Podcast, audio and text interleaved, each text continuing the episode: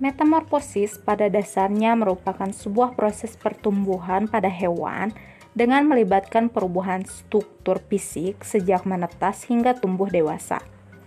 Sementara metamorfosis pada kupu-kupu adalah proses perkembangan biologi yang berubah dari waktu ke waktu.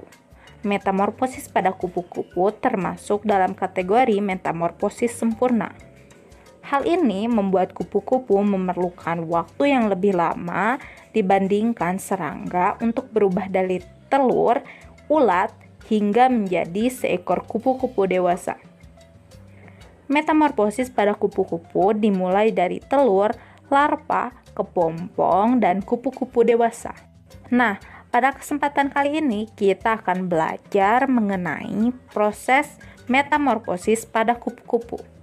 Yang pertama adalah telur. Tahap paling awal dalam proses ini adalah kupu-kupu meletakkan telurnya pada ranting dan daun yang disukainya. Umumnya, kupu-kupu akan meletakkan telurnya di ujung daun atau di bawah daun.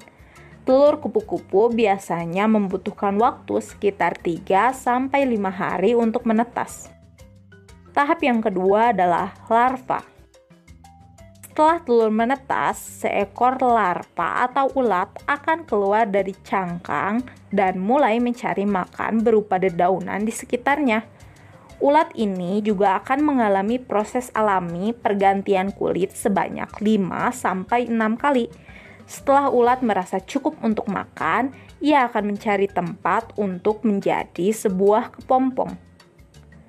Tahap yang ketiga, kepompong atau pupa.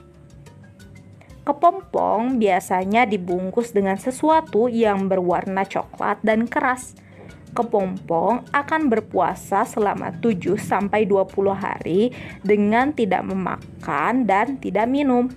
Kepompong biasanya memiliki waktu yang berbeda untuk menetas, tergantung pada spesiesnya. Tahap yang terakhir adalah imago. Imago adalah proses buah kepompong akan berubah menjadi seekor kupu-kupu. Pada mulanya, kupu-kupu akan keluar dari kepompong dengan sayap yang masih kecil, kusut, dan basah karena ada cairan.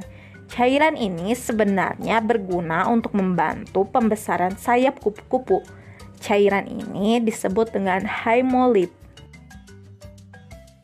Setelah keluar dari cangkang kepompong, kupu-kupu akan merangkak ke atas dahan agar tubuhnya mengering dan sayapnya bisa berfungsi dengan normal. Kupu-kupu akan memenuhi kebutuhan makanannya dengan mencari bunga untuk menyerap nektar atau sari bunga pada siang hari. Demikianlah proses metamorfosis dari kupu-kupu. Semoga bermanfaat.